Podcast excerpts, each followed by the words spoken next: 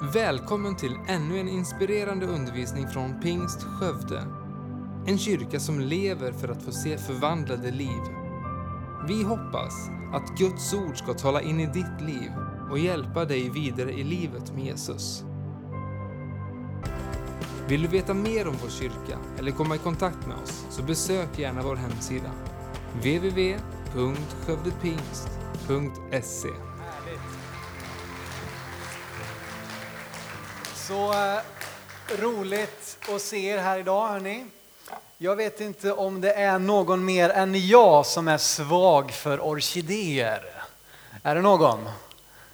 Ja, några, liksom, är det några män här inne som vågar erkänna? Ja, Arne det är bra, Allen, liksom, det är manligt att våga erkänna att man gillar blommor. Och min favoritblomma det är orkidén. Eh, jag, orkidén heter det väl, inte orkidén, orkidéer. Eh, då blir det många. Hur som helst så är ju detta, tycker jag, den vackraste blomman.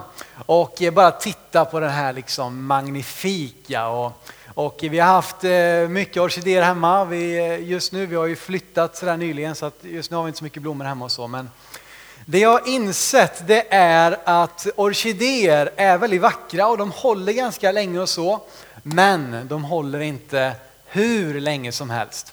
Och eh, Ibland har vi lyckats ganska bra med våra orkidéer, men sista året nu så vet jag inte riktigt vad det är som har hänt. Det har liksom varit en, en ständigt nedåtgående spiral på något sätt. Och eh, jag har faktiskt med mig en av våra orkidéer som de ser ut idag. Eh, så här ser den här eh, orkidén. Den var ju något i stil med det här en gång i tiden, eh, men nu ser den ut så här. Och eh, det är inte riktigt så här illa med alla våra orkidéer, för några av våra svärföräldrar, eller mina svärföräldrar, tagit hand om. Och då börjar det liksom växa lite grann. Men det som är min poäng med detta är att allt som lämnas åt sig själv, det krymper. Att allt som inte tas om hand, som inte ges näring, som inte vårdas, det börjar krympa förr eller senare. Det börjar vissna. Och eh, blommor är så att de behöver vård, de behöver kärlek. Och med orkidéerna är det ju så, jag vet att tidvis har vi varit väldigt duktiga med, du vet man ska ta upp dem ur krukan och liksom ställa ner dem i vatten och ha den här speciella näringen och sen ta upp det, låta det stå och rinna av. Och sen så får man ju vara noga att de inte står liksom i solfönster hela dagen utan flytta på dem. Och bitvis har vi varit ganska duktiga på det där. Och då har ju faktiskt orkidéerna överlevt, skjutit upp nya liksom, eh, stammar som gett nya blommor. Men sen någonstans så slutade liksom våra tålamod Eh, och det har bara blivit sämre och sämre. Vi har lämnat dem åt sig själva och de börjar vissna. Likadant med en bil till exempel så är det så att ni vet att om bilen ska hålla länge då måste den servas. Oljan måste bytas och det måste liksom, eh, ja, vi måste byta däck och vi måste ta hand om bilen. Inte minst måste vi fylla på med ny bensin för annars så går den inte, eller diesel om man har det, eller etanol eller biogas eller vad du nu har för någonting. Eller laddaren kanske rent av. Det ju, nu finns det ju faktiskt laddstation här nere på parkeringen så om någon har elbil så kan ni ha den på laddning när ni kommer på gudstjänst. Men vi behöver vårda saker för att det inte ska börja krympa. Oavsett hur vackert det är i dess nuvarande form, så om det inte vårdas så är det bara en tidsfråga innan det börjar krympa.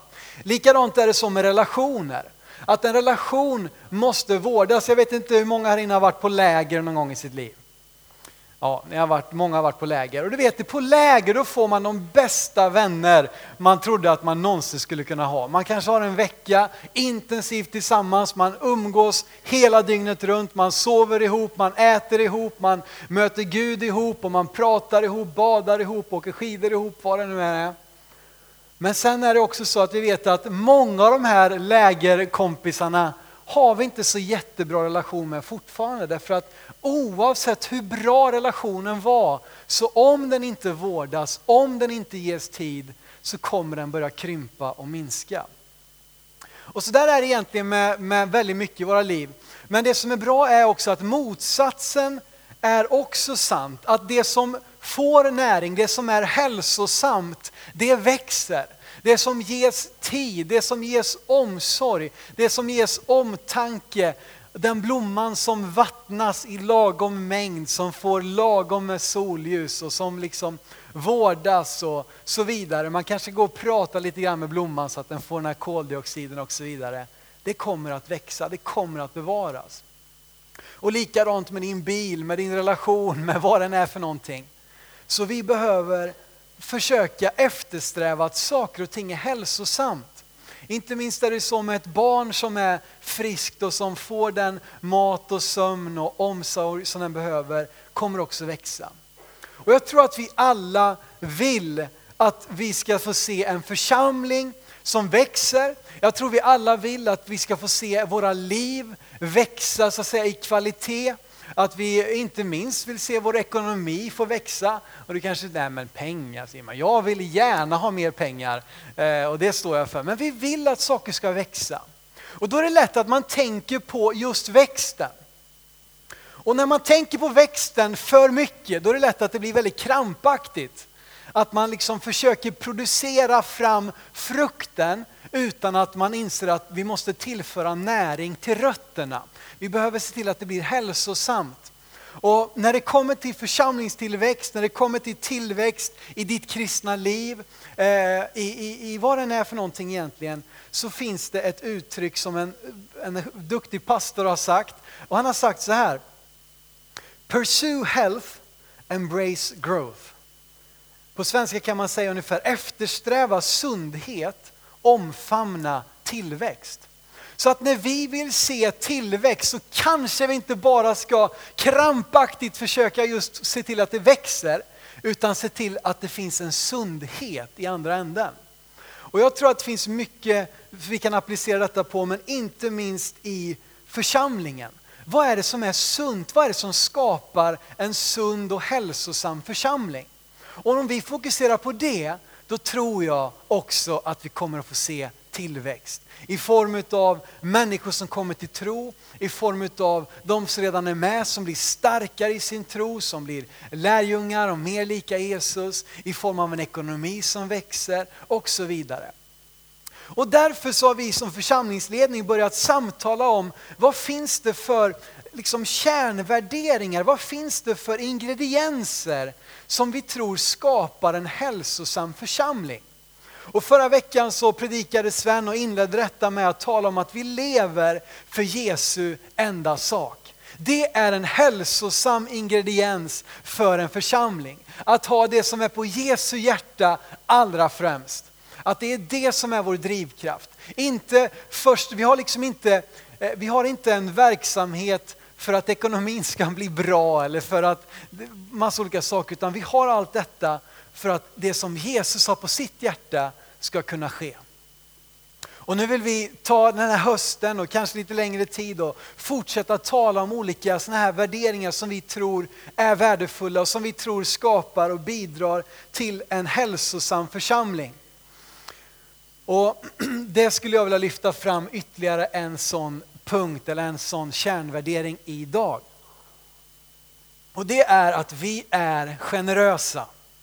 Vi är generösa. Och det jag vill säga också med detta är att just sätta detta att vi är. Generositet, det har vi hört flera predikningar om. Det har vi hört många goda ord om. Men frågan är, är det någonting som vi är? Bara för att man har kunskap om någonting betyder inte att det är någonting som fungerar i ens liv. Och därför när vi jobbar med detta så blir det så viktigt att det här blir någonting som vi är, någonting vi lever, någonting vi andas. Och idag skulle jag vilja tala just om detta med generositet. Och vi ska utgå ifrån det mest välkända bibelordet i hela bibeln. Och jag brukar tänka så här ibland, eh, så tänker ju ingen av er, men jag tänker så här att när någon säger ja, låt oss slå upp psalm 23 eller Johannes 3 och 16, då tänker jag, de har inte förberett sig. De bara tog det som de liksom, det, det kan alla, man kan säga något bra om det jämt. Eh, så, så tänker jag ibland, men eh, låt oss inte fastna i det utan försöka liksom se den här nyckelversen som ju är evangeliet komprimerat och paketerat i ett par verser. Tänk vi ska läsa från en ny översättning som heter The Message. Eh, för många av er, det här kan säkert flera av er utan till. Så tänker vi läsa med lite nya ord så kanske vi tänker till lite mer. Det står så här, Johannes 3.16 och vers 17. Så mycket älskade Gud världen att han gav den sin son, sin enda son. Och det var för att ingen skulle behöva hamna i fördärvet. Vem som helst kan få ett liv som är helt och som inte tar slut genom att förlita sig på honom. Gud gjorde sig inte besväret med att skicka sin son bara för att hytta förebrående med fingret och tala om för världen hur rutten den är. Han kom för att hjälpa, för att ställa allt till rätta igen här i världen. Evangeliet handlar om att Gud gav. Han gav oss sin egen son. Och om det här med generositet är någonting som ska fungera i våra liv så är det väldigt beroende av vår bild på Gud. Vad har vi egentligen för syn på Gud? Ser vi honom som en generös givare så kommer det också prägla hur vi bemöter andra människor. Om vi gör det med generositet eller om vi gör det kanske med hårdhet, med missundsamhet, med snålhet. Men jag tror att vi måste börja med att bara känna att Gud är en generös givare. Och när vi har den bilden så blir det så mycket enklare att också låta generositet synas i våra liv. Ser vi Gud främst som en hård domare, då är det väldigt lätt att vi blir hårda och dömande mot andra människor i vår omgivning.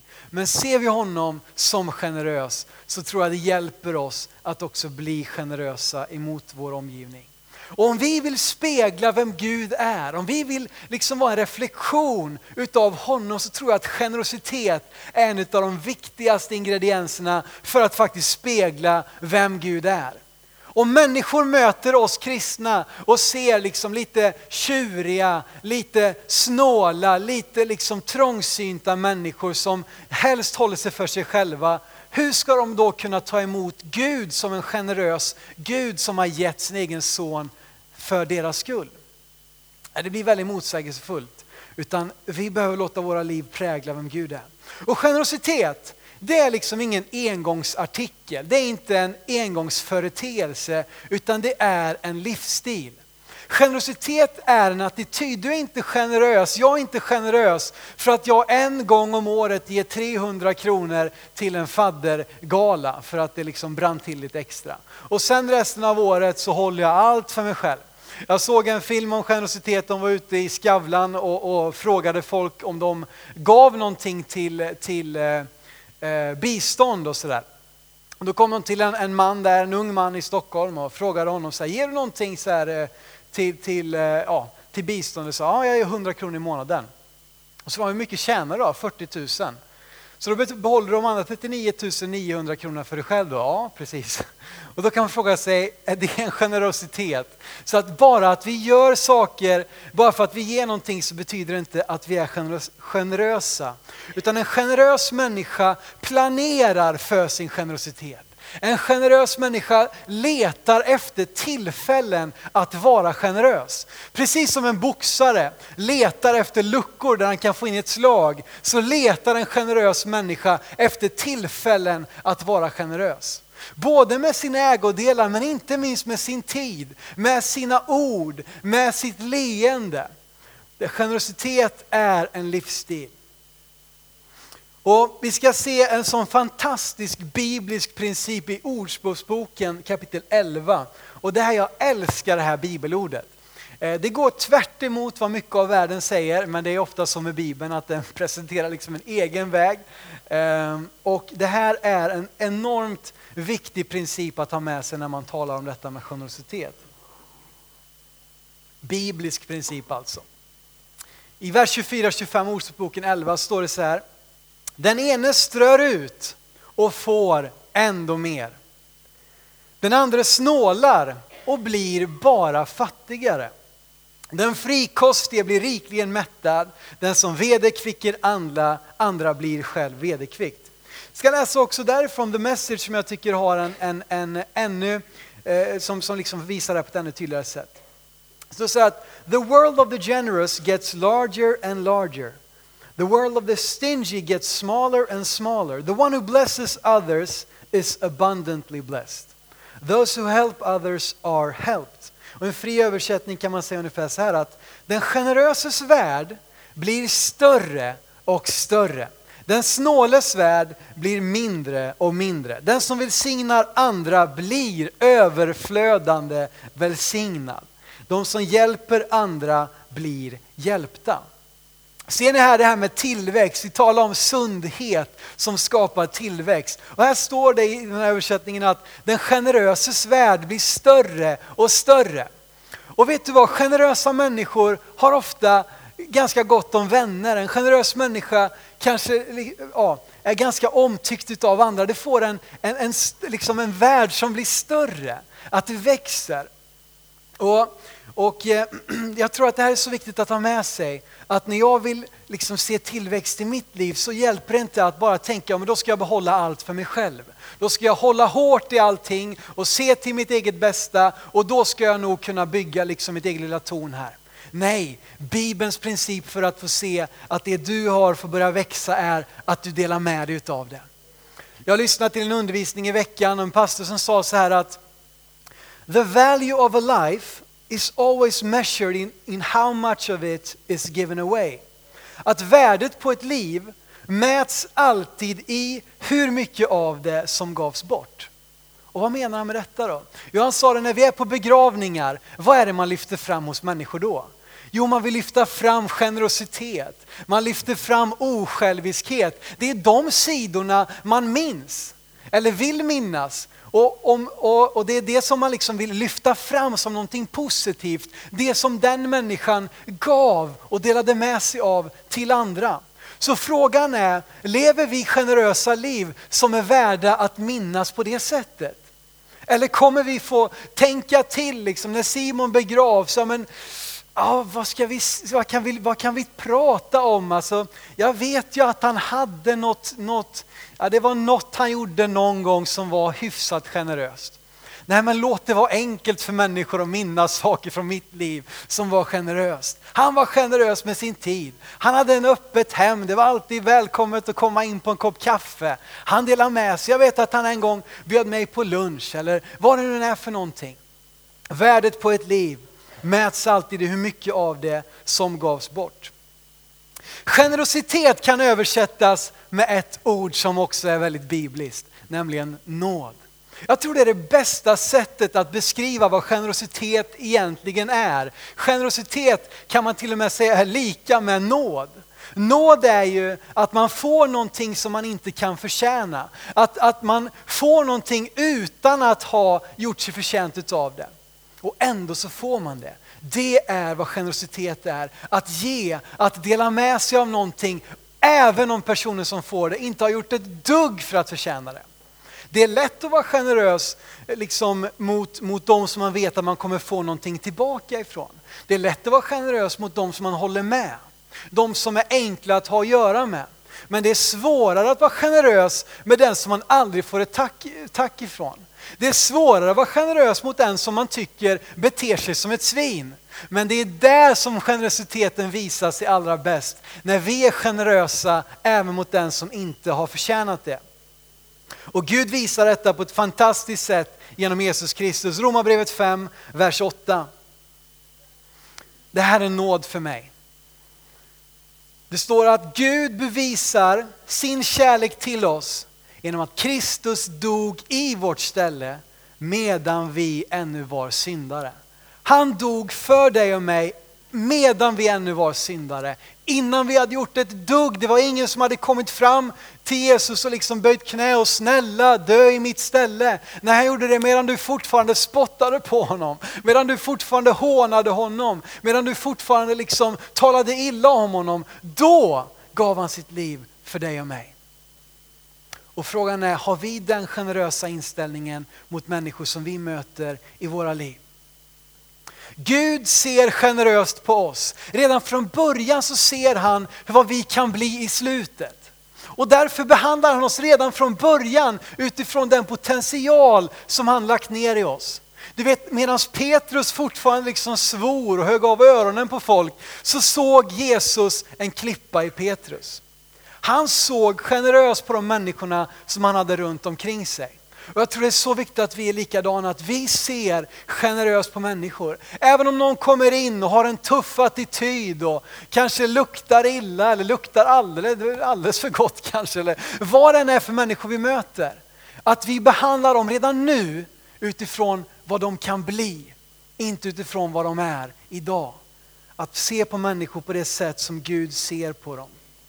En som inte är generös kommer hela tiden att se svagheter hos en människa. Kommer hela tiden att se brister hos en människa. Kommer hela tiden att se felen hos en människa och haka upp sig på det.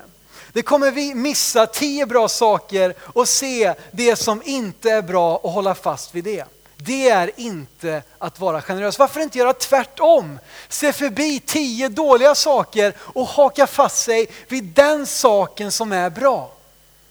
Det är att vara en generös människa. Första Thessalonikerbrevet 5 och 21 så står det i ett sammanhang där Paulus undervisar om, predik, eh, om profetia. Så säger han så här att pröva allt och behåll det goda. Pröva allt, behåll det goda. Jag tror inte att detta bara gäller profetior. Jag tror att detta är en, en generell inställning vi kan ha med oss i livet. Att vi ska pröva allting och sen behålla det goda. Den första delen är vi ganska bra på, att pröva allting. Och inte minst nu när man tittar på debatter och så vidare och, och, och alla möjliga. Jag hade förmånen att få vara moderator, eh, samtalsledare här på debatter för treor eh, på Arena Skövde här i torsdag, fredag med parti, eller medlemmar från alla partier som debatterar om olika saker.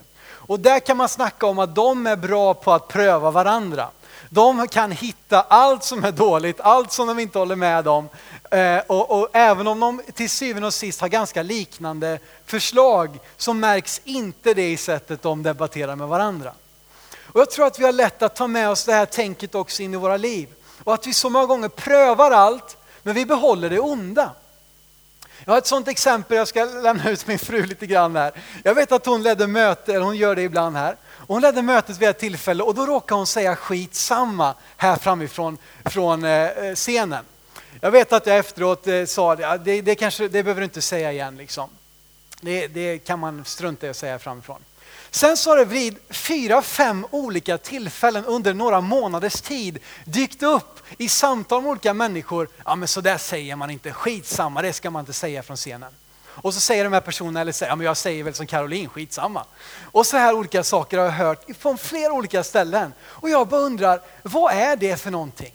Det är inte generositet. Jag säger inte detta som ett försvarstal nu för Caroline, eh, men bara som ett exempel.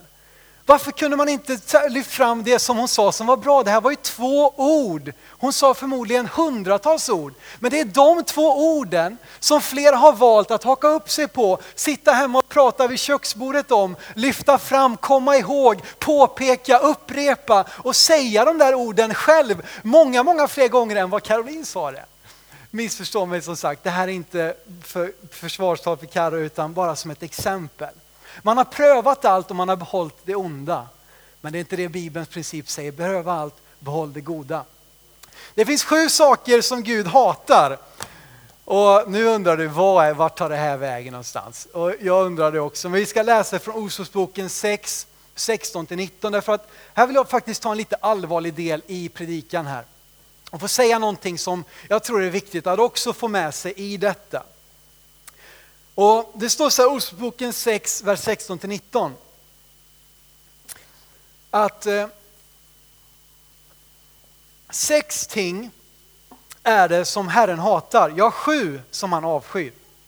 Stolta ögon, en lögnaktig tunga, händer som utgjuter oskyldigt blod, ett hjärta som smider onda planer, fötter som skyndar till det som är ont, den som främjar lögn genom att vittna falskt och den som vållar trätor mellan bröder. Jag tycker att fem av de här sakerna direkt kopplar an till vad vi säger, vad vi gör med det som, och, och, och det här med att en lögnaktig tunga, ett hjärta som smider onda planer, fötter som skyndar till det som är ont. Ja men du, här kan vi nog hitta någonting. Där verkar det vara någonting som, som inte är särskilt bra. främjar lögn genom att vittna falskt, den som vållar trätor bland bröder. Det här hatar Gud. Och jag vet inte hur det är med dig, men om det är någonting som Gud hatar så vill inte jag ha det i mitt liv. Jag vet inte hur det är med dig. Och jag måste vara ärlig och säga att jag har sett saker utav detta i vår församling och blivit påmind om det det här året och kanske åren som ligger bakom. Och självklart så är det, liksom, det är ingen perfekt gemenskap, men jag har sett de här sakerna och jag vill säga rensa bort det. Sluta upp med det där. De här viskleken, vet du vad viskleken är för någonting? Det är att man sitter i en ring, någon säger någonting i örat på en och sen viskar den vad den uppfattade, och sen viskar den vad den uppfattade och så viskar den vad den uppfattade och till slut är det någonting helt annat än vad som egentligen sades. Och det innebär att till slut när man fortsätter sprida de här så innebär det att man sprider någonting som inte är sant. Man sprider lögn. Och jag upplever att det pågår för mycket visklekande i vår församling. Och jag vill uppmana till att sluta med det. Låt oss tala öppet med varandra. Låt oss säga det som verkligen blir sagt och inte lyssna på tredje, fjärde, femte, sjätte hands informationer. För vi kan vara säkra på att det som kommer fram där är inte samma sak som det som sades från början. Och Det här är min lite allvarliga del i min predikan. Och någonting som jag har insett i, i eh, valtider återigen, det är att det är lätt att vara i opposition. Det är lätt att stå vid sidan och säga vad de gör fel som så att säga ansvarar för det som händer. När man är så att säga i då regering eller har en beslutande position eller står och tar ansvar, då, då är det ju som sagt, då är man ju ansvarig för det som sker och det är så mycket lättare att vara i opposition. Det kan man säga nästan vad som helst. Bara som en liten nugget i detta. Istället vill jag uppmuntra dig till att vaska fram guldet vaska fram guldet. Vet du vad, det går tv-serier på, på, jag tror det är Discovery Channel eller någonting, med guldletare. Det finns ju än idag, man tänker att det var väl något på 1800-talet, Kalanka de här åkte liksom och, och, grävde guld någonstans i USA. Eh, eller om det var VM-laget 94 kanske. Det blev brons, men hur som helst. Människor som letar efter guld. De ger sig ut, kanske till en bäck, till en flod eller till någon, någon bergart och så börjar de leta. Och du vet, det krävs så mycket arbete för att vaska fram det där guldet som finns där någonstans. Hur mycket utav sand och skräp och, och annat tjafs fastnar inte i det här eh, liksom, tråget innan guldkornen kommer fram. Men jag vill befinna mig i guldvaskarbranschen när det kommer till andra människor. Att leta fram det där fina, det ädla, det dyrbara som finns nedlagt i varje människa. När jag tittar mig runt omkring er så ser jag guldklimpar. Ni är ju guldklimpar allihop. Vissa kanske har det lite längre under ytan, men det finns där. Och jag önskar att vår församling skulle vara en församling som vaskar fram guldet hos människor och inte håller på med något annat och ger upp för att vi hittade först tio gruskorn eller tre liter med lera eller liksom hundra kilo utav sten innan vi kom fram till den där ädla metallen därför att det är värt det. Välj att se generöst på andra, välj att se det goda. Första Korinthierbrevet 13, kärlekens lov. En fantastisk eh, eh, text som jag tror att också många av er har hört eh, tidigare. Vi ska läsa därifrån Första Korinthierbrevet 13, vers 4 7. Det står så här.